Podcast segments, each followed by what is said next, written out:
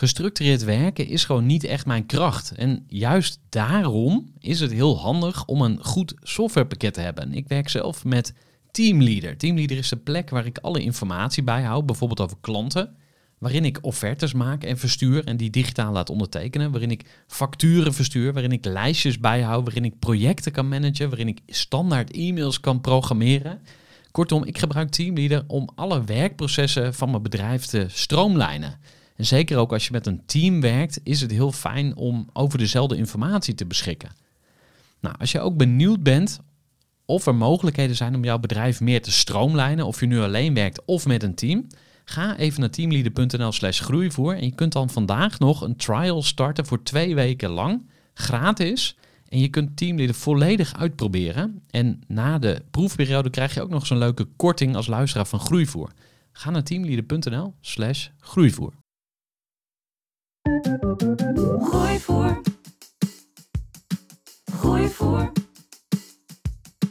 Gooi voor. Zoek je inzicht, inspiratie voor je eigen bedrijf. Wil je elke dag iets leren? Luister dan naar Gooi voor. Hey, wat leuk dat je weer luistert naar de Groeivoer podcast. Mijn naam is Gerard Tevelde en met mijn team bij Groeivoer help ik ondernemers bij hun groei. Zelf groei ik enorm van het spreken met mensen die specifieke kennis hebben over groei of over ondernemen.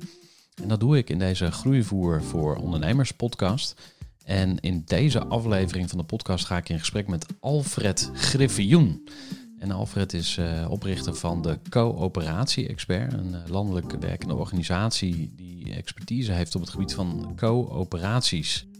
Ja, de coöperatie is een hele oude rechtsvorm. Ik werd getriggerd door het idee om een, met start-ups te werken in een coöperatievorm. Nou, daar hoor je in dit interview uh, veel meer over. Dus ik zou zeggen, ga lekker luisteren naar deze aflevering met Alfred Griffioen van de Coöperatie-expert voor de kennis en ideeën van een interessante gast die zijn verhaal met jou wil delen. Luister je naar Gooi voor. Ik zit hier met Alfred Griffioen. Goeiedag. Ja, we gaan een heel mooi gesprek tegemoet, maar wie ben jij eigenlijk? Oh, dat is een leuke vraag. nee, ik, ik, zal een beetje het gefocuste antwoord geven hierop. Ja. Dus uh, mijn naam is Alfred Griffioen. Um, ik ben volgens mij 47 nu, ja oprichter van de coöperatie-expert. Daar zal ik zo meteen iets meer over uitleggen. Uh, mijn achtergrond, ik ben van oorsprong werktuigbouwer. In Twente gestudeerd, uh, mm -hmm. daar heel weinig mee gedaan. Ik ben uh, direct eigenlijk in Utrecht gaan werken bij KPN. En daar kwam ik terecht in een project waar twee bedrijfsonderdelen samen moesten gaan werken. En dat kreeg ik voor mijn kiezen. Dus sindsdien zit ik eigenlijk in samenwerking tussen um, zelfstandig profit- en loss verantwoordelijke eenheden. Of het nou bedrijven zijn of ondernemers of iets anders bij elkaar. Okay. En um, daarna nog bij een uh, telecominstalatiebedrijf gewerkt, bij een strategieconsultant. En sinds 2008 adviseer ik op het gebied van samenwerkingen. Ik heb er ook boeken over geschreven. Aha. Mijn eerste boek is het Senseo-effect. Over de samenwerking tussen Philips en Douwe Egberts. Die Mhm. speelde in die tijd, dat was ongeveer 2010, 2012. Was het heel populair. Um, later nog wat andere boeken geschreven. Maar uh, misschien het meest relevant is dat ik sinds 2010 uh, groepen ondernemers help om samen te werken in coöperaties. En um, de eerste groep die we hebben gedaan destijds, dat was 40 Fingers. Dat waren vier IT'ers die bij elkaar 40 vingers hadden. Mhm. Dus vandaar de naam. En die wilden gezamenlijk grotere websites aan kunnen bieden aan klanten. En uh, die hebben toen geholpen met het opzetten van de coöperatie en alle stukken eromheen. En nou, sindsdien zijn we zelf ook met z'n tienen. Mhm. En we hebben intussen meer dan duizend coöperaties wel opgericht. Aha. Dat uh, zijn er nogal wat dan. En, want um, kan je eens uitleggen um, voor de leek van wat is een coöperatie ook alweer? En daarna zou ik natuurlijk graag willen weten van waarom zou je een coöperatie willen? Oké, een, een coöperatie is een rechtsvorm. Net zoals je die in Nederland uh, een aantal andere type rechtsvormen hebt. Ook bijvoorbeeld als de BV, of de vereniging of de stichting. En het voordeel van de coöperatie is dat het een... Het lijkt heel erg op een vereniging. Alleen er mag winst maken. Dus binnen een vereniging word je niet geacht om de winst die je maakt weer naar je leden terug te sturen of naar, naar je oprichters. Bij een coöperatie mag dat wel. En um, daarmee is het eigenlijk meer een bedrijf dan uh, een, een, gezamenlijke activiteit. Mhm. Ehm, het is een rechtsvorm dat, ma dat maakt onderscheid ten opzichte bijvoorbeeld van een VOF of een maatschap. Want dat zijn eigenlijk alleen maar samenwerkingsvormen die je weliswaar inschrijft bij de Kamer van Koophandel. Maar waarbij beide, of de, de, de vennoten of de maten altijd nog verantwoordelijk zijn voor eh, wat er wordt uitgegeven. Die kunnen ook uh, persoonlijk aansprakelijk worden gesteld. Mhm. Bij een coöperatie, net zoals bij een BV, kun je hoogstens het kapitaal kwijtraken wat je erin stopt. Mhm. En daarom kiezen best wel veel ondernemers deze vorm als een, toch als een alternatief voor een BV. Ook omdat als je gaat kijken in het burgerlijk wetboek, dan staat er over het BV. Dat zijn pagina's vol met allemaal regels die erbij staan. En voor een coöperatie zijn het maar een paar kantjes. Oh ja, Dus er is veel minder geregeld, dus er kan veel meer. hoe kan En dat? dat is het mooie. Eh, dat kan omdat in principe eh, er zijn veel minder coöperaties in Nederland dan BV's. Volgens mij worden er elk jaar een paar honderd coöperaties opgericht. Ten opzichte van ongeveer eh, enkele tienduizenden BV's. Mhm. Dus ze komen veel minder voor. Dus het was ook niet echt nodig om daar heel veel voor te regelen. Hm. Want het liep wat minder uit de hand, zou ik zeggen bijna. Toch bestaat de vorm al relatief lang, sinds eh tweede helft 19e eeuw ongeveer. En je ziet dat die coöperatie in eerste instantie heel erg veel is toegepast in de agrarische sector.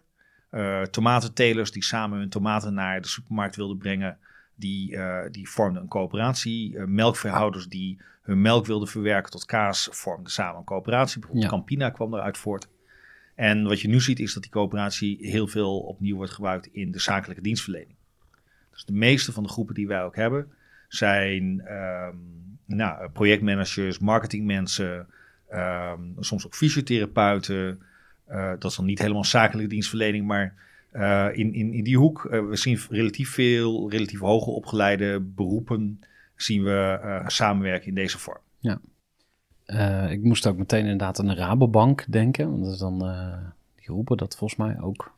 Of zijn die nu gestopt daarmee of zo? Er was iets mee. Ja, dat is een ingewikkeld verhaal. De, de Rabobank bestond oorspronkelijk uit een heleboel eh, losse lokale coöperaties. Mhm. Waar dan op zich de leden het wel voor het zeggen hadden. Mhm. Maar die structuur die is, ehm, ik weet er niet het, het fijne van, maar die structuur is omgegooid. Omdat het niet meer mogelijk was om en goed eh, aan, de, aan alle bankvereisten te voldoen en uit zoveel eenheidjes te bestaan. Ja. Dus daar is nu wel wat gewijzigd. Ja. Ehm, een andere associatie die ik heb met coöperaties is dat het heel idealistisch is. Maar dat hoeft dus niet per se, als ik je goed begrijp. Eh, nee, eigenlijk voor zover, je, je kunt een coöperatie best wel idealistisch inrichten. Mhm. En eh, hij oogt vaak ook wat ehm, eh, vriendelijker dan een BV. Mhm. Kijk, bij een BV kun je altijd nog het beeld hebben dat je aandeelhouders hebt die er geld in hebben gestopt en vervolgens ergens op de Bahamas gaan liggen, wachten tot het dividend binnenkomt. Ja. Eh, bij een coöperatie die is erop gericht om zaken te doen met zijn eigen leden.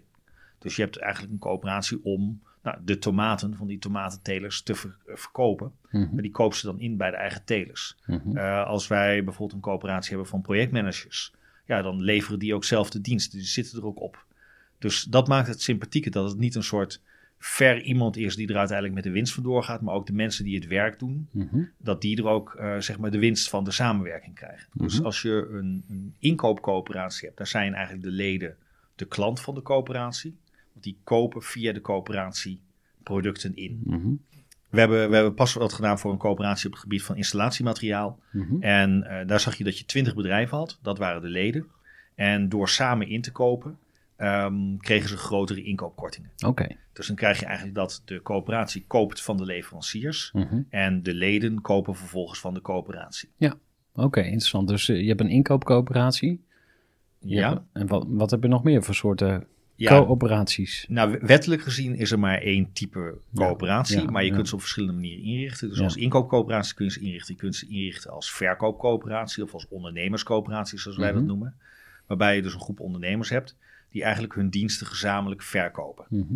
Dus dat is een andere optie Maar niet aan elkaar, maar aan klanten. aan klanten ja, oké. Ja, ja. Dus eigenlijk met de, de webontwikkelaars die ik eerder noemde, Mhm. die voor grote klanten gezamenlijk de websites gaan bouwen. ja, ja.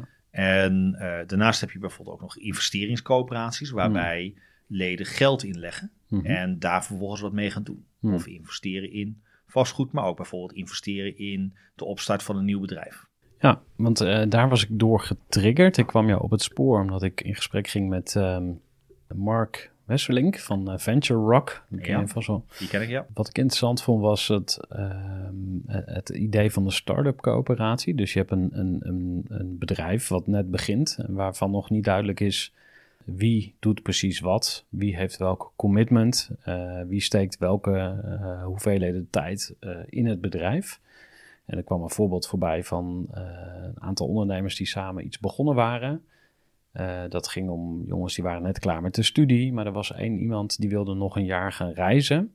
En toen was de vraag van, hé, hey, maar hoe gaan we nou precies met zijn aandeel om?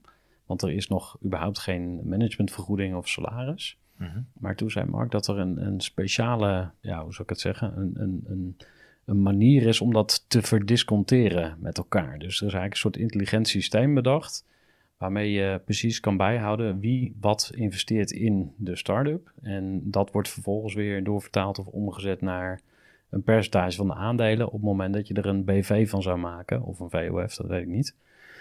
Heel veel woorden om te vragen, wat is de start-up coöperatie? Hoe zou jij het uitleggen? Oké.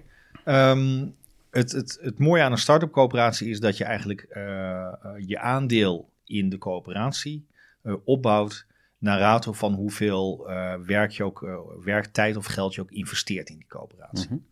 Ehm, het principe is gebaseerd op een, op een boek van een Amerikaan, Mike Moyer. Die mhm. heeft het boek Slicing Pie geschreven. Mhm. En daar ehm, heeft hij dat principe in eerste instantie uitgewerkt. Alleen het lastige was, in de Verenigde Staten is er geen rechtsvorm die dat ondersteunt. Okay. Het leuke is dat er in Nederland wel een rechtsvorm is die dat ondersteunt. En dat is de coöperatie. Mhm. Nou, hoe werkt het dan? Feitelijk is het zo dat als je onbetaalde arbeid doet of je stopt geld in de coöperatie, dan hou je dat bij. Mhm. En je, je verdisconteert dat met elkaar. Dus je gaat ook kijken van oké, die uren van jou, hoeveel zijn die waard? Mhm. En hoe kunnen we dat relateren aan het geld? Uiteindelijk vertaal je de inzet uh, in certificaten. Mm het mogen ook punten zijn of slices of nee goed, er zijn een heleboel icons bij iVester. Mm Er zijn een heleboel namen voor, maar je vertaalt het in iets wat op een gegeven moment recht geeft op winst en vaak ook op stemrecht. En het leuke is dan dat als je ziet dat, dat je vier oprichters hebt die samen aan de slag gaan uh, en er gaat eentje eventjes tijd, een tijdje weg, dan bouwt hij in die periode gewoon geen certificaten op. Mm en dat, uh, en dat is eigenlijk heel eerlijk, want hij stopt op dat moment. Hij investeert ook niet in, het, uh, in, in de venture, in, in mhm. het bedrijf. Uh, het voordeel heb je met name ten opzichte van een BV. Want daar ga je dus bijvoorbeeld met z'n vieren zeg je van oké, we zijn allemaal met z'n vieren even van plan evenveel effort te steken in deze BV. Dus we krijgen allemaal een kwart van de aandelen. Mhm. En dan krijg je dus op een gegeven moment het punt dat één iemand toch iets anders gaat doen. Um, wat voor situatie dan ook. Het kan leuk zijn, hij kan een, een nieuwe partner tegen het lijf lopen en daarmee op huwelijksreis gaan. Ehm, je kunt uh, ook uh, langdurig ziek worden. Ja. je weet het niet van tevoren. Ja. En dan heb je het punt dat iemand dus geen werk doet voor, voor het bedrijf. En toch nog steeds 25% van de aandelen houdt. Ja. En dat gaat dan scheve ogen geven. Nou, ja. En dat corrigeer je hier eigenlijk mee. Dus hoe meer je investeert en hoe meer onbetaald werk je doet, mm des te meer je opbouwt in het bedrijf. En je hoeft eigenlijk nog niet te bepalen hoeveel dat bedrijf waard is. Mm want je houdt eigenlijk alleen maar bij van hoeveel iedereen heeft geïnvesteerd. Mhm. Nou, als er bijvoorbeeld uitkomt dat wij allebei samen een bedrijf op gaan richten. En uh, nou, ik ga wel naar de Bahama's en jij buffelt lekker door. Ja. En jij stopt er uiteindelijk uh, eh, 75% van de effort in en ik maar 25%. Ja. En het bedrijf blijkt op een gegeven moment een miljoen waard te zijn. Ja, dan mhm. is 750.000 euro voor jou. Ja. En 25 of 250.000 euro voor mij. Ja, dus dat is ook echt hoe het werkt. Uh, dat is de uiteindelijke consequentie. ja, dat klopt. Hm belangrijke vraag die meteen bij mij boven komt is: wie gaat dat allemaal controleren? Jij zegt dat je zoveel gewerkt hebt, maar ja, ik was er niet bij. Dus hoe, uh, hoe fix je dat? Ja, dat is leuk. Um, kijk, je, je, je, helemaal sluitend krijg je het nooit. Mhm. Maar uh, alsnog is het systeem altijd beter dan gewoon zeggen van 50-50 of allemaal een kwart of wat dan ook. Wat je gaat doen is eigenlijk moet je gewoon maandelijks bij elkaar gaan zitten. En daarbij overleg je eigenlijk allebei je uren staat. Van wat, hoeveel tijd heb ik er nou aan besteed? En de bedoeling van dit principe is niet dat je dat uh, minutieus uit gaat vogelen van, oh je bent toen toch een kwartier eerder naar huis gegaan, dus uh, het is niet 32, maar het is eigenlijk maar 31,5 of zoiets. Ja. Dus dat is niet de bedoeling. Als iemand zegt van, um, ik heb zoveel uur gewerkt en uh, dat is enigszins geloofwaardig, ja. dan schrijf je zoveel uur bij mm -hmm. tegen het uurtarief wat je hebt afgesproken. Ja. Wat wel zo is, is dat je natuurlijk met elkaar dan, um, en dat doe je dan veel eerder dan in een ander type uh, constructie, met elkaar te kijken, ja, oké, je hebt er 30 uur aan besteed, dat staat niet ter discussie, maar wat heb je in die 30 uur gedaan?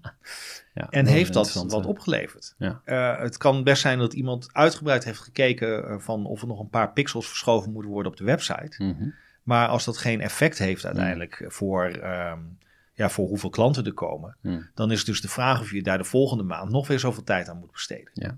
Dus alleen al het feit dat je met elkaar zegt van oké, hoeveel tijd hebben we er nou in besteed en waar is die aan besteed? Mhm.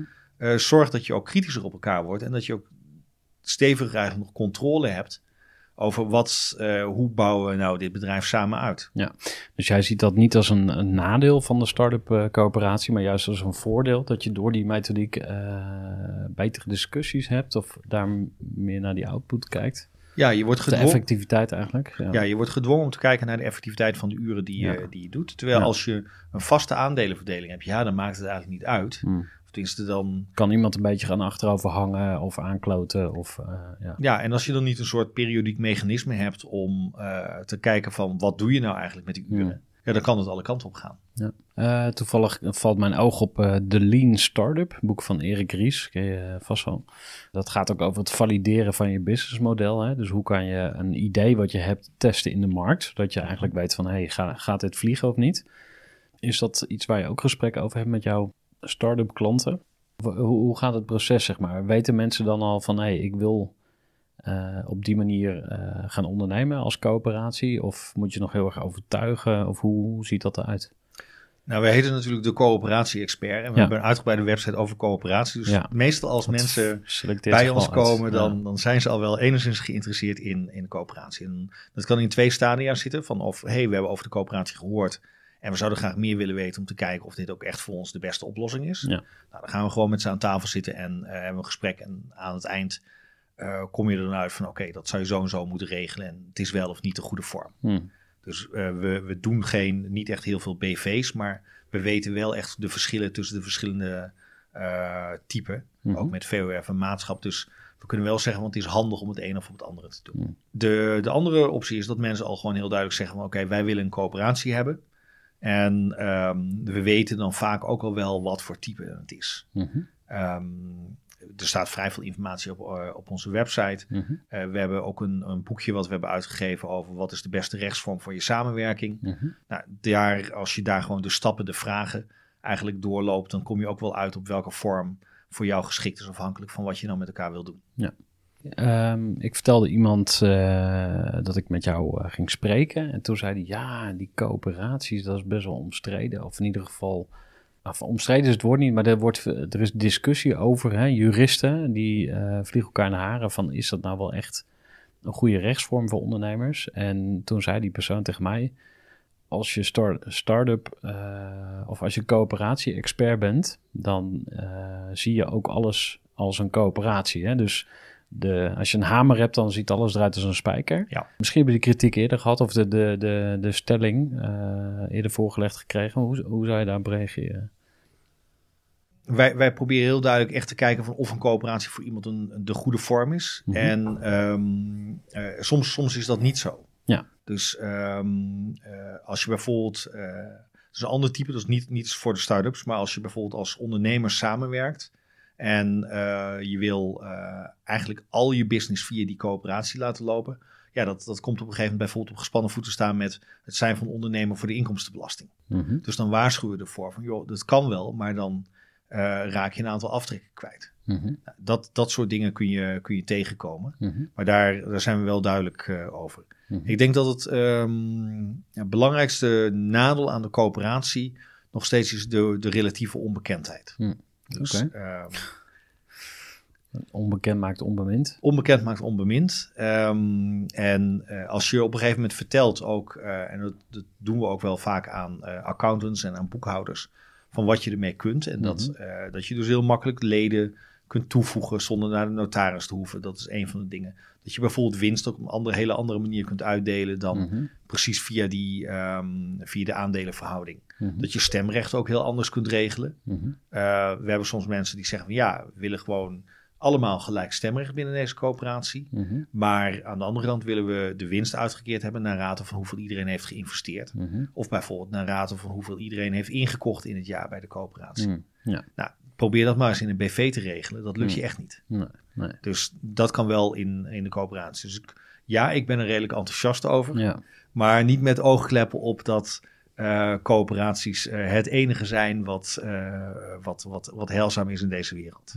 Even een korte onderbreking met een belangrijke vraag aan jou. Want wat heb jij geregeld voor het geval je van de ene op de andere dag zou komen uit te vallen? Wat gebeurt er dan met je bedrijf, maar vooral wat gebeurt er met jou persoonlijk en ook in financieel opzicht? Samen met ASR voerde ik drie openhartige gesprekken over tegenslag en veerkracht. En dat deed ik met Saskia, Vincent en Pieter. Ondernemers met een bloeiend bedrijf die van de ene op de andere dag niet meer konden werken. En die verhalen hoor je in aflevering 256, 257 en 258 van deze podcast. Als ondernemer wil je natuurlijk niet uitvallen. En daarom is het belangrijk dat je veerkrachtig bent, want voorkomen is beter dan genezen. En als het dan toch misgaat, is het fijn dat je iets geregeld hebt, zodat je weer snel door kunt met ondernemen. Wil je weten hoe veerkrachtig jij nu bent? Vul dan in twee minuten de veerkrachttest van ASR in. Ga naar asr.nl slash veerkrachttest ondernemers. Oké, ehm, en en, eh, ik kan me ook voorstellen dat een situatie is waarin je ehm, van een coöperatie naar een andere rechtsvorm overstapt.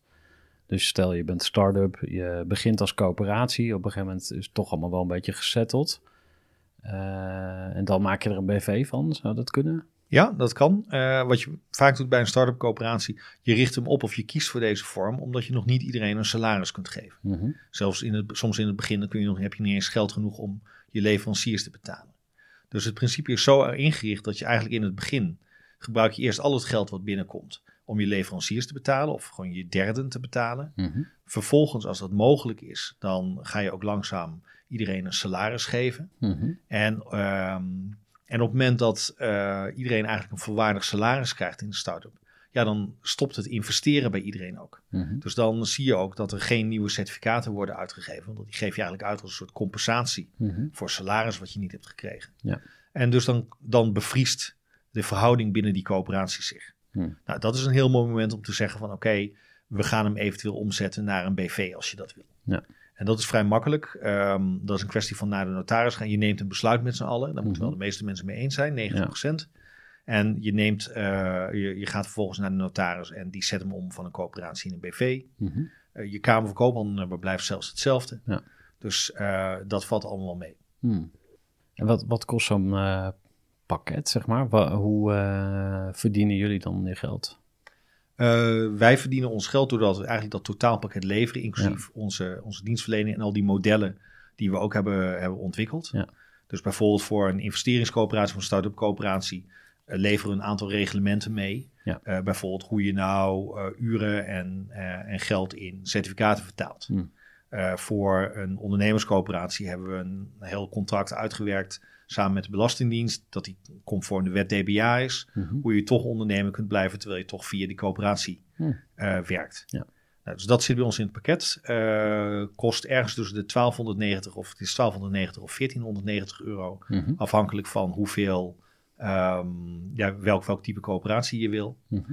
En daar zit dus ons gesprek bij in, daar zit het statutenmodel bij in, daar zitten die andere documenten bij in en de oprichting van de coöperatie bij de notaris.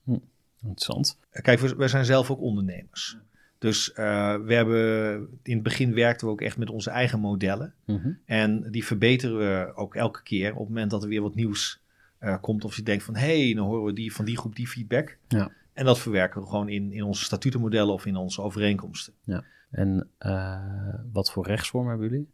Eh, wij zijn zelf ook een coöperatie. Toch wel, ja. Ja. Stel jullie zouden een BV zijn, dan, dan waren de aandeelhouders en dan was jij misschien een grote aandeelhouder of meer dan anderen, omdat je het al langer doet of zo. Ik weet niet, hoe zijn de verhoudingen in, eh, in dat opzicht qua senioriteit en anciëniteit? Kijk, eh, wat, en dat, dit is iets wat we ook wel aan, ehm, eh, aan andere groepen adviseren. Mhm. Eh, soms heb je één iemand die ehm, eigenlijk al een concept of een merk Mhm. of iets heeft uitgewerkt. Ja, En dat was bij ons ook het geval. en dat was jij. En dat was ik. Ja. Dus Dus je een soort van nestor van de groep of de voortrekker of ja, en dan, founder. en dan kan samenwerken met anderen kan dus een manier zijn om ook ehm, je bereik eigenlijk te vergroten. En meer mensen van dat concept, dat merk, dat idee gebruik te laten maken. Mhm.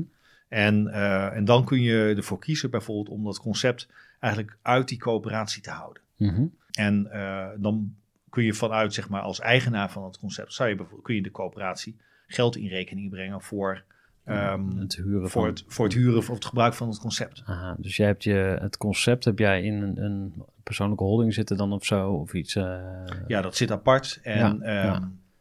op Ah, deze manier ja. ehm, kun je dus wel enerzijds zorgen dus dat je eigenlijk een coöperatie bent. mhm.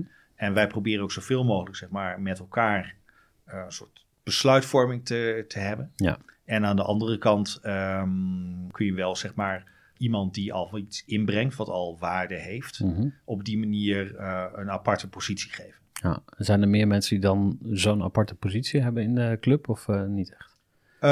Ja, want sinds een jaar doe ik dat met één iemand anders. Oké. Ja. Dus die, eh, die heeft zich ingekocht in het concept. Ah, Oké, dus die heeft. Oké, ja. En ehm, als je het zo uitlegt, dan klinkt het bijna ook als een alternatief voor franchising. Ja, dit- dit, dit zit heel erg, dit, dit zit dicht tegen franchise aan. Dus officieel zijn we bijna een franchise. Dus Ja. dat, eh, En heb je dat onderzocht? Van wa- wat, wat zijn precies de voor- en nadelen of de verschillen eh, tussen dit en franchising? Want een van de dingen die mij eh, is bijgebleven en, en wat een structureel probleem is van de franchise, is dat, dat je eh, in het systeem tegengestelde belangen hebt. Hè, dus je hebt de, de franchisegever die wil zoveel mogelijk, eh, of eigenlijk de franchisegever en de franchise-nemer willen allebei zoveel mogelijk marge opeten, zou je kunnen zeggen. Dus er wordt geld verdiend, maar hoe wordt het verdeeld? Plus er altijd, eh, is natuurlijk altijd een getouwtrek van, ja, ik betaal een franchise fee, maar wat krijg ik voor terug? Maar hoe, hoe, eh, hoe, hoe reflecteer jij daarop? Hoe kijk jij daarnaar? Nee, mi- misschien een paar dingen om, om, om aan te geven. Kijk, ehm, wat je eh, misschien even wanneer eh, een franchise en wanneer een, een coöperatie, een pure franchise pure Ja, coöperatie. ja. Ehm, eh, een van de dingen die. kijk, de blokker is ook een franchise, of was, of wat er nu nog van over is. Maar in Ja, elk geval, ja. de blokker is, is gestructureerd ook voor een deel als een franchise. Mhm. Dan, dat is heel logisch, want als ik bij de blokker in Overvecht iets koop en het gaat mis, dan ga ik ook gewoon terug naar de blokker in Overvecht. Mhm. En eh, ik heb niet met die andere blokkers te maken. Mhm. Eh, wij leveren bijvoorbeeld dienstverlening waar het best kan zijn dat eh, twee van onze adviseurs aan één klus werken. Mhm. Bijvoorbeeld dat de een wat meer de financiële kant doet en de andere de, de, de, de statutenkant. Ja. Ehm, dan wil je niet dat je twee losse facturen stuurt aan, aan je klant.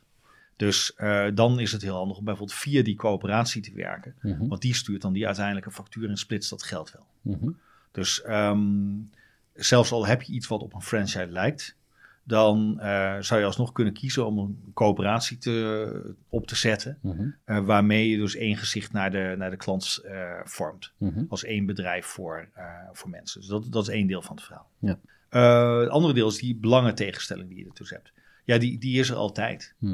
Een franchise fee moet je ook eh, altijd weer, eh, weer waarmaken. Mhm. In die zin dat eh, ook als franchisegever moet je zorgen dat het niet iets is wat, wat op basis van een soort historisch ehm, gegeven is.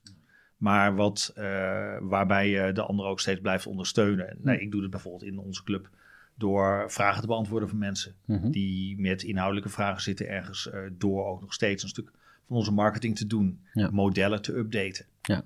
Dus, daar, eh, dus op zo'n manier eh, ja, maak je dan eh, je waarde waar. Eh, dat is dus een doorgaand proces. Dus ja, je moet jezelf blijven ontwikkelen ook, denk ik. Blijven groeien, relevant blijven. ehm, Nou, je, je, je ziet wel dat wij ook wel ontwikkeling hebben. Dus toen we in 2010 begonnen met het concept, toen hadden we eigenlijk alleen maar ondernemerscoöperaties. Ondernemers die samen naar de markt gingen. Mhm. Toen kwam er eens een keertje een inkoopcoöperatie bij. Op een gegeven moment zijn we gaan eh, kijken. Toen kwam er een nieuwe regeling voor ja, energiecoöperaties. ik wil het, daar ik een, Ja, inderdaad gaan de, over de, ja. de, de, de postcode-roosregeling voor energiecoöperaties. Wat is het idee? Eh, een heleboel mensen die zelf geen goed dak hebben om zonnepanelen op te leggen, kunnen die zonnepanelen leggen op het dak van eh, bijvoorbeeld een sporthal. Mhm. En, als ze, en er is een eh, wettelijke regeling dat als ze maar dicht genoeg bij die sporthal wonen, in ongeveer Mhm. hetzelfde postcodegebied, Mhm. dan eh, mogen ze de, eh, de energiebelasting verrekenen. Dat Ja. is een belangrijk deel van de business case om zonnepanelen neer te leggen. Oké. Dat, eh, dus die kwamen op een gegeven moment, ergens in 2013 kwam die regeling op. Dus toen zijn we ook daarin gedoken om dat Ja. te gaan doen. En we hebben best, ik denk dat we misschien al 150, 200 van die postcode roos coöperaties Mhm. intussen hebben gedaan. Ja. Ehm, wat je nu dus weer meer ziet, is dat dat is ook wel grappig, een heleboel van de coöperaties waarmee wij begonnen zijn in het begin, Mhm. gewoon drie, vier ondernemers die naar de markt gingen onder een nieuwe naam. Eh, een heleboel van die coöperaties bestaan nog steeds. Hmm. Maar die naam, die dus in die, die al vijf, zes jaar bestaat, die heeft intussen wat meer waarde gekregen. Mhm. En soms zie je dat ze ook anderen inhuren en eigenlijk weer voor een hoger tarief verhuren. Dus dan kun je zeggen van hé, er zit goodwill Ja. in die coöperatie. Ja. Ehm, dan is de vraag van wie is die goodwill dan? Mhm. En ehm, hoe ga je die dan verdelen? Dus wij zijn nu langzamerhand met een aantal coöperaties in een proces. Om te kijken of we ze niet van een soort ondernemerscoöperatie om kunnen zetten naar een soort investeringscoöperatie. Hmm. Waarbij je eigenlijk zegt van oké, eh, iedereen die daar tot nu toe aan heeft meegewerkt, die, die effort die meten we of die maken we helder. En dat geeft een bepaalde verhouding waarin iedereen eigenaar is van de coöperatie. Mhm. Ja. En ehm, wat zijn er voor ontwikkelingen geweest in het buitenland op dit gebied? Want jij, je begon het gesprek eigenlijk met, met eh, eh, het boek Slicing Pie. Toen zei je van, ah, maar eigenlijk hebben ze daar helemaal geen coöperatie in Amerika. Wat, doen ze dan? Ja, in, in Amerika heb je, heb je limited companies. Dus eh, dat is meer vergelijkbaar met de BV die wij hebben. Mhm. En ehm, het lastige dus van die BV is dat ehm, je elke uh, aandelentrans- of elke aandelenverschuiving en aandelenverhouding, die, eh, die moet je dus eh, via een notaris gaan doen. En dat verschilt een beetje per land hoe dat werkt. Maar het zijn over het algemeen relatief veel formele handelingen om dat te doen. Mhm. Nou, die coöperatiestructuur zoals wij die hebben, die geeft de ruimte om dat, dat veel flexibeler te doen. Ja.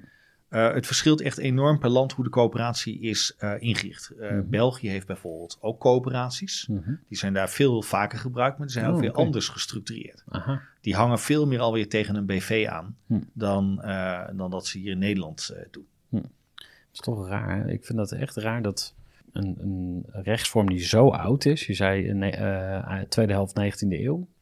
Ik snap niet waarom die dan zo onbekend is. Dus je, je, je, kan ook zeggen van ja, dus blijkbaar is er niks. Want anders dan was het al veel groter geweest. Advocaat zo'n duivel.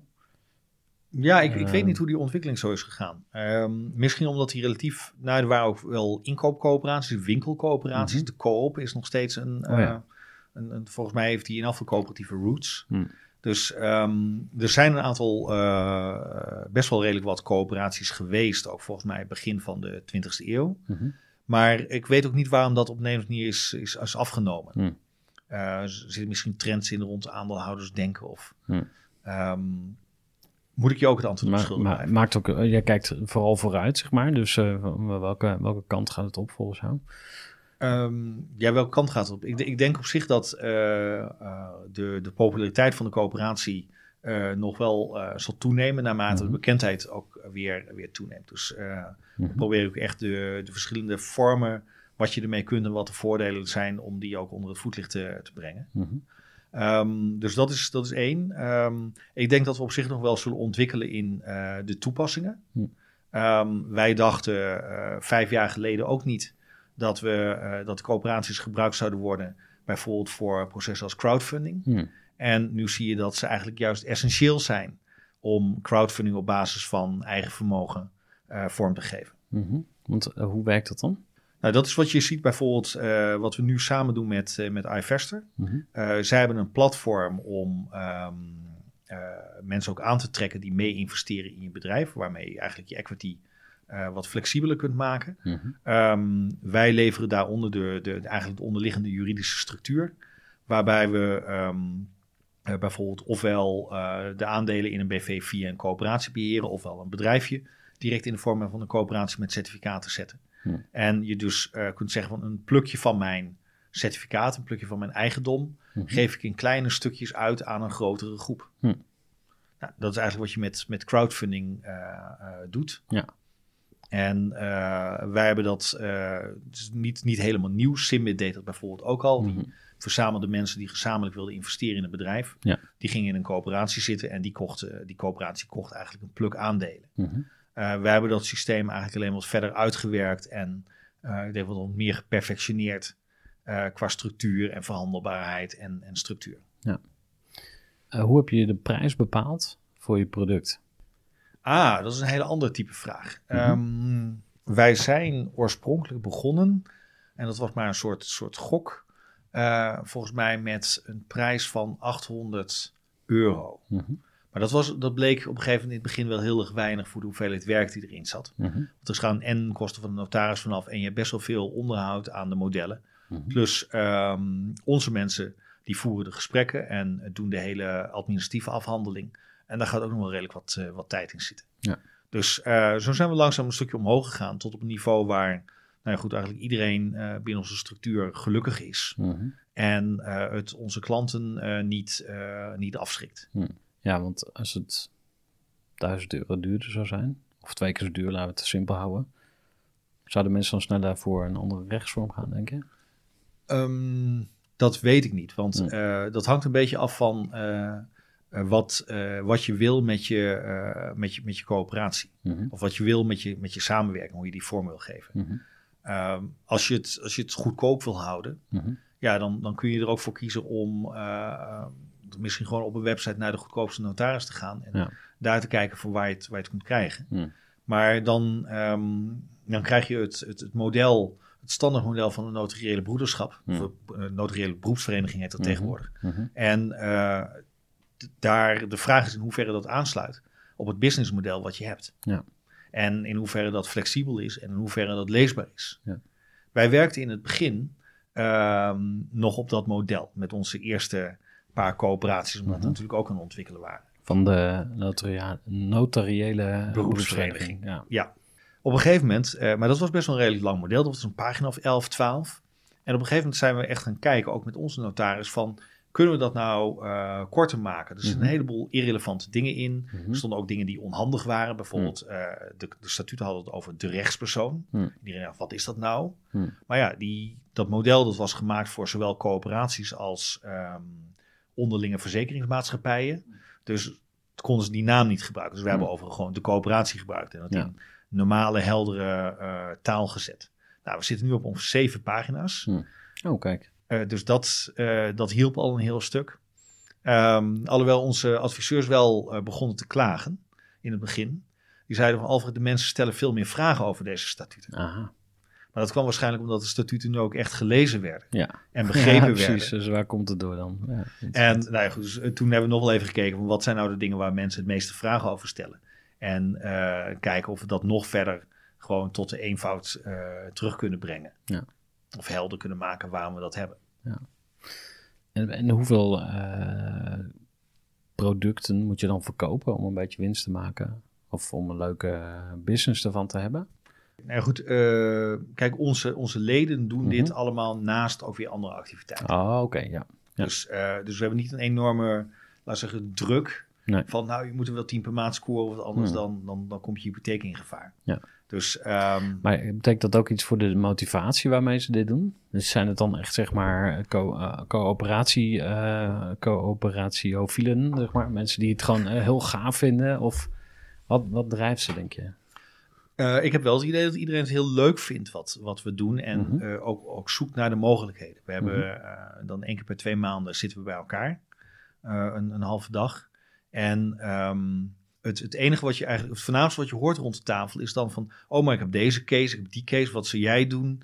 Eh, dus mensen zitten echt wel eh, bij ons te zoeken van, eh, hoe kan ik ook nog weer mijn kennis verder brengen? Mhm. en mogelijkheden zoeken en, en klanten op een goede manier helpen. Dus daar zit een beetje de fun in Mhm. voor iedereen.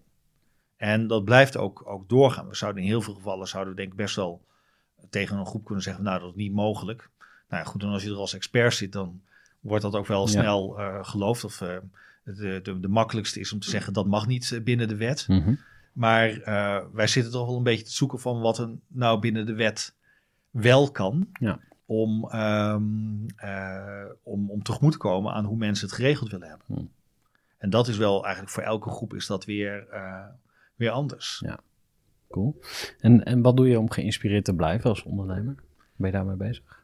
Ehm, ja, ik vind Want dit zelf... we- gaat heel erg over de vakinhoud. Hè? Dus dat, Ja. dat, is, dat is één kant van het ondernemen, het specialisme. En aan de andere kant, jullie praten natuurlijk ook heel, met heel veel ondernemers. Ehm, word je wel eens getriggerd dat je denkt, hey, eigenlijk zou ik wel mee willen doen. Dus wil ik eigenlijk ook wel in die corporatie zitten. Of je kijkt naar het businessmodel en eh, je denkt van, hey, daar zou je een beetje aanpassingen kunnen doen, zodat het wel gaat vliegen. Of eh, ik bedoel, kijk je ook als ondernemer mee? Eh, nou, je, je denkt soms wel mee. Dus Mhm. we- vragen sowieso altijd van wat ga je doen? Mhm. En eigenlijk als mensen mij bellen en die zeggen van ik wil een coöperatie oprichten en moet dit en dit gebeuren, dat is ook mijn eerste vraag van wat gaan jullie in die coöperatie doen? Want pas als je die context hebt, dan kun je ook, ook, ook meedenken. Ehm, ik, heb niet, ik heb niet heel vaak gehad dat ik dacht van goh, dit is nou echt een briljant idee, daar wil ik in meedoen. En Mm. vaak is het ook zo, eh, het hebben van een idee is niet, eh, niet waardevol. Eh, je moet ook de potentie hebben om het, om het waar te maken. Ja. En, ehm, en als je dan weer een andere achtergrond hebt, dan, dan, past, dat, dan past dat niet. Mhm. Ehm, wat, eh, wat voor mij als voor mijzelf als ondernemer, wat ik het leuke vind, is ehm, het marketinggedeelte. Oh, oké. Vertel. Dus wij krijgen eigenlijk een heel groot gedeelte van, van onze aanwas aan klanten gewoon binnen via onze website. Ja. En ehm, ja, daar, eh, dat vind ik erg leuk om daarin in te optimaliseren. Mhm. SEO, dat soort dingen bedoel je? Of, ja, met eh, name op het gebied van SEO. We schrijven heel veel eh, blogartikelen. Ja. En dan stimuleer ik ook, ook de mensen bij ons in het team toe. Maar goed, wat je ziet bijvoorbeeld bij ons is dat op het zoekwoord coöperatie worden wij gewoon goed gevonden. En met name als het gaat over coöperatie in combinatie met iets anders. Dus als je Mhm. fiscaal en coöperatie intypt, mhm, dan staan wij bovenaan. Ja. Dus dat, dat is fijn. Maar dat zijn Ja. mensen mhm, die al op coöperaties zoeken. mhm. Maar En- hoe krijg je die anderen ook? Ja. Ja, en, en dat is natuurlijk een klein groepje. En hoe krijg je die anderen ook?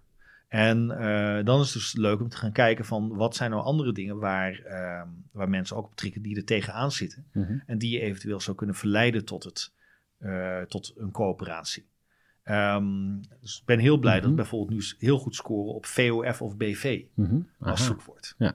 En BV, VOF. Dus daar hebben we nu een aparte pagina voor gemaakt. Dus wat ik zie, ik kijk heel sterk in alle SEO-resultaten. Dus Mhm. ik kijk waar we bijvoorbeeld op pagina 2 scoren van Mhm. Google Mhm. met een bepaald woord. Vervolgens maak ik daar een aparte pagina van binnen onze website. En dan ga je kijken of dat gaat groeien en eh, meer verkeer gaat opnemen. Ja, dat is dus heel waardevol dat je dat eh, ook echt leuk vindt om te doen. Hè? En dat je dus ook het geduld hebt en eh, denkvermogen om, om, om die materie je eigen te maken. Dus blijkbaar eh, vind je dat cool, Eh, vind je het leuk, zeg maar, de online, eh, de SEO-game. Ja. Ehm, zijn er meer dingen in het ondernemen die jou goed afgaan, waar je trots op bent? Nou, wat, wat ik leuk vind is om de samenwerking te zoeken met andere partijen. Mhm. Dus ehm, ik kijk altijd, en, en dank dus ook dat ik vandaag hier zit. Mhm. Ja. Ehm, Ik kijk altijd van waar, waarmee kan ik een groter bereik krijgen door iemand anders. Mhm. En eh, nou, of dat nou nu onze recente samenwerking is met iVester, of dat, eh, dus ik zijn nu ook met een accountantskantoor, zijn we in de slag om te kijken of we hun mensen eh, kunnen, kunnen bijpraten op het gebied van Mhm. coöperaties. Omlullen. Eh, nee, nee, nee, nee, nee. nee.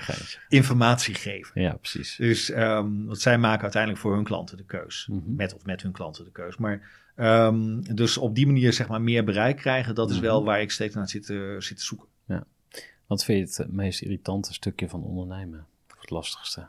Het meest irritante stukje. Ehm, ehm, ik, doe, ik doe onze administratie nog steeds zelf. Mhm. Eh, dus dat is altijd. ik, ik vind het wel heel goed dat ik er zeg maar bovenop zit. Maar het is aan de andere kant. eh, Stom vervelend. ja, en, en, ze- en zeker creditfacturen, dat is gewoon echt het ergste wat er is. Oké, Dus, ehm, maar crediteer je wel eens wat aan klanten dan? Of wat bedoel je? Oh ja, soms, soms moeten we wel eens wat crediteren, dat Mhm, klopt. ja. Dus bijvoorbeeld als een oprichting niet doorgaat, dan valt dat stukje notaris valt bijvoorbeeld weer, eh, weer af. Mhm. Ehm, of ehm, eh, je denkt in eerste instantie dat iets een heel traject wordt en Ja. uiteindelijk kom je met de klant achter dat het toch niet helemaal eh, zoveel nodig is dan dat we in eerste instantie bedachten. Nou ja, goed, dan, dan moet je natuurlijk eventjes wat, wat crediteren. Ja, ja, zo onvermijdelijk als ondernemer. Wa- Wat zou je gaan doen als je die tijd eh, vrij zou spelen? Ik weet niet hoe lang je ermee bezig bent, maar wat, wat zou je er met die vrije tijd gaan doen? Leuke vraag. Ehm, misschien wel gewoon als vrije tijd houden. Dat zou, eh, dat zou ook wel een optie kunnen zijn. Ja. Ehm, ik, ik denk dan toch ehm, eh, eh, kijken van... ja, ik, ik zou hem toch in de marketing stoppen. Ja. Dus dat is, dat is voor mij toch de belangrijkste om daar nog weer verder in te optimaliseren. En, eh, want daarmee begint het. Mhm. Dus ehm, eh, wat ik zei, we, we werken met een, met een team waarbij iedereen het eh, min of meer part-time doet. Mhm. Dus we hebben best wel wat groeicapaciteit nog om te doen. Dus, dus de, wat je aan de voorkant binnenhaalt, dat, dat, dat regelt zich aan de Ja. achterkant wel. Ja. Ehm, maar dus je moet het wel aan de voorkant binnenhalen. Dat je dan eigenlijk toch weer terug gaat naar wat je het liefste doet. En dat is die, eh, die marketing optimaliseren. Want- Ja, ja de, de, an- de andere die, waar ik van- vanochtend nog met iemand eh, zat, ehm, Mhm. eh, die, die ongeveer, we hebben het al zoveel mogelijk beperkt, maar hij ontkwam er niet aan om toch vier keer zijn naam in te vullen Hmm. op, op vier verschillende formulieren. Mhm. Dus Oh ja. to- toen dacht ik van, goh, ehm, wat nou heel mooi zou zijn, is dat je van tevoren de mensen met die, die naar een gesprek komen, dat je die even een linkje toestuurt. Mhm. En zegt van, nou, vul hier alvast even je persoonlijke gegevens in. Ja. En eh, dan eh, dat, dat, dat ik van tevoren al gewoon al die formulieren eh, uit kan printen Ja, met alles erin. echt eh, procesoptimalisatie en de customer journey, zeg maar, helemaal strak trekken. Ja, als, als, als Ja. dat zou kunnen. En soms gaat het, gaat het weer lastig, want dan blijkt het toch dat op het laatste moment iemand anders toch weer bestuurder wordt of niet. Hmm. Maar ehm, dat, zou een, een, dat zou nog ideaal zijn om daar eens een keertje effort in te steken. Ehm, en als je de overgebleven tijd niet aan werk zou mogen besteden, wat zou je dan gaan doen? Als de overheid niet aan werk zou mogen besteden, oh dan, eh, ik denk dat ik dan eh, meer zou gaan lezen vooral. Oké. ja. Dus eh, daar, daar word ik dan, dan rustig van. Ja. Ja. Dus dat, Lees je dan ook managementboeken of dat nee, soort nee, nee. Ik, eh, ik, ben, ik, ben, ik ben gestopt met management. Oh, echt? Vertel, waarom? Ehm, nou, Want dat heb je blijkbaar wel gedaan. Je hebt, ja, je hebt- ik heb echt heel veel verslonden. Oké. Dus ehm, over, over business model man- management. En eh, eh, ik heb met name voor het schrijven van mijn eigen boek heb ik ook heel veel eh, dingen doorgekeken. Mhm. Ehm, voor mijn tweede boek, De Strategieversnelling, ben ik door allerlei managementtheorieën heen gegaan. Van hoe Mhm. je je businessmodel kunt optimaliseren. Dus toen heb ik wel heel veel gelezen. Maar die kennis, dat doe je. die- Gebruik je dat nog dan? Ja, die, die, die gebruik je wel, maar ik denk dat het meer eh, onderbewust is geworden dan, Hmm. eh, dan bewust. Ehm, ik las gisteren nog wel iets, iets leuks. Ik, ik kreeg een eh, magazine van een, van een marketingbureau, of een brandingbureau, kreeg Mhm. ik eh, onder ogen. En die hadden het over ehm eh, archetypes Mhm. voor je bedrijf. Mhm. En, ehm, en daar heb ik toen wel eventjes nog een whitepaper gedownload. Mhm. En omdat je dan toch benieuwd bent van wat voor archetype is, is ons bedrijf dan? Magier of zo? Ja, Zat precies. Ja, de, de magier heb je en je hebt de Ja. innocent en de Ja, hero en every, everyone's friend of zoiets. En ehm, Maar dat triggert toch wel, hè? Dat is dan toch, eh, maar dat is misschien ook de naamgeving die ze eraan koppelen. ja, dat, dat, dat klopt. En, niet, ehm, dus, ehm, dus toen kwam ik er toch wel achter dat wij, eh, eh, wat mij betreft, meestal in dat, in dat magierprofiel Mhm. Eh, passen. Mhm. Eh, omdat we proberen eh, eigenlijk in eerste instantie dingen mogelijk te maken die misschien in eerste instantie niet mogelijk Mhm. lijken. Ja, ja. En het dan net weer eventjes toch iets mooier of iets handiger Mhm. kunnen regelen dan, dan je denkt. En ehm, even terug naar die ehm, eh, managementliteratuur. Je zei, ik heb heel veel gelezen. Welk boek sprong er voor jou uit? Of welke auteur? Of welk idee? Ehm, oh, wacht. ehm, oh, dan moet ik eventjes zoeken naar de naam. Eh, volgens mij is Slowinski.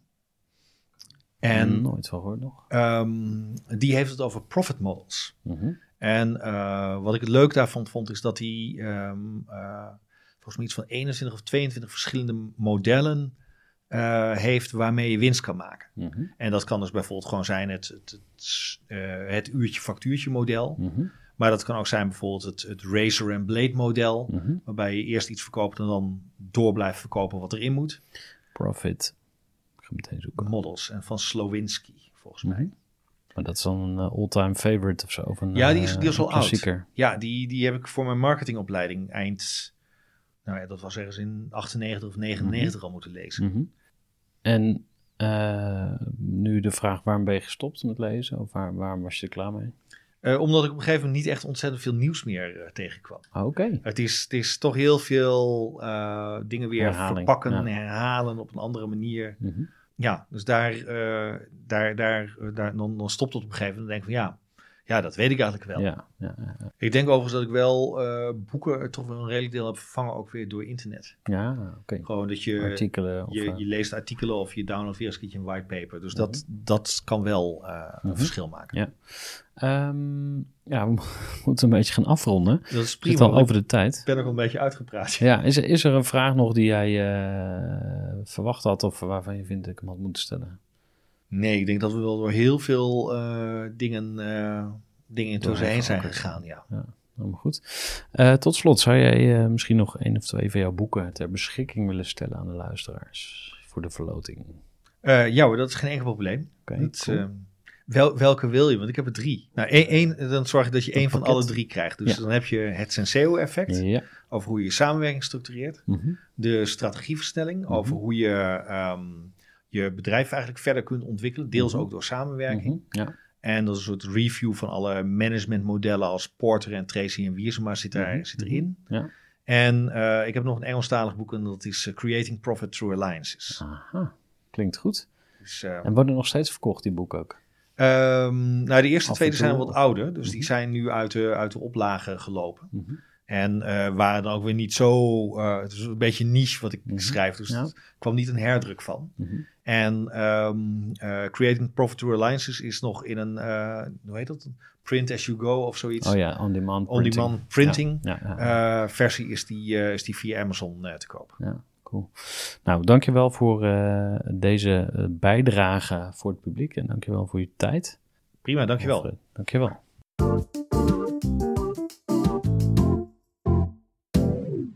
Tot zover eh, dit gesprek met eh, Alfred Griffioen. Ik hoop dat je er eh, weer nieuwe inzichten uitgehaald hebt en weer lekker wat kennis hebt opgedaan om jezelf te laten groeien. Kortom, ik hoop dat je dit weer een lekker hapje groeivoer vond. Mocht je eh, hongerig zijn en meer willen, er zijn natuurlijk nog veel meer afleveringen. Je kunt ook altijd aanhaken bij een webinar van Groeivoer.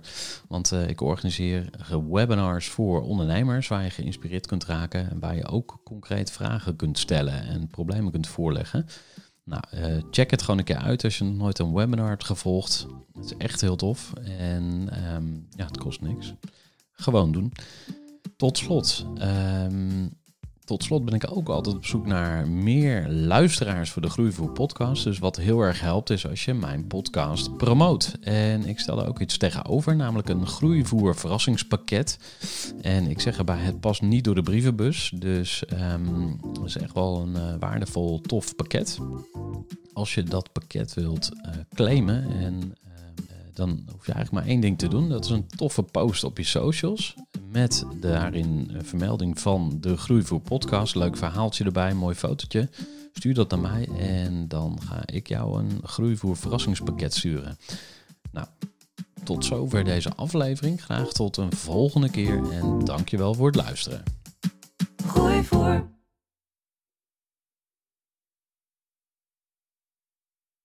Gestructureerd werken is gewoon niet echt mijn kracht. En juist daarom is het heel handig om een goed softwarepakket te hebben. Ik werk zelf met Teamleader. Teamleader is de plek waar ik alle informatie bijhoud, bijvoorbeeld over klanten. Waarin ik offertes maak en verstuur en die digitaal laat ondertekenen. Waarin ik facturen verstuur, waarin ik lijstjes bijhoud, waarin ik projecten kan managen, waarin ik standaard e-mails kan programmeren. Kortom, ik gebruik Teamleader om alle werkprocessen van mijn bedrijf te stroomlijnen. En zeker ook als je met een team werkt, is het heel fijn om over dezelfde informatie te beschikken.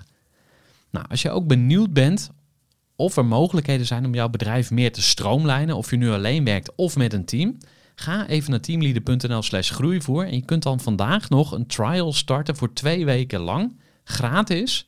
En je kunt Teamleader volledig uitproberen. En na de proefperiode krijg je ook nog zo'n leuke korting als luisteraar van Groeivoer. Ga naar teamleader.nl slash groeivoer.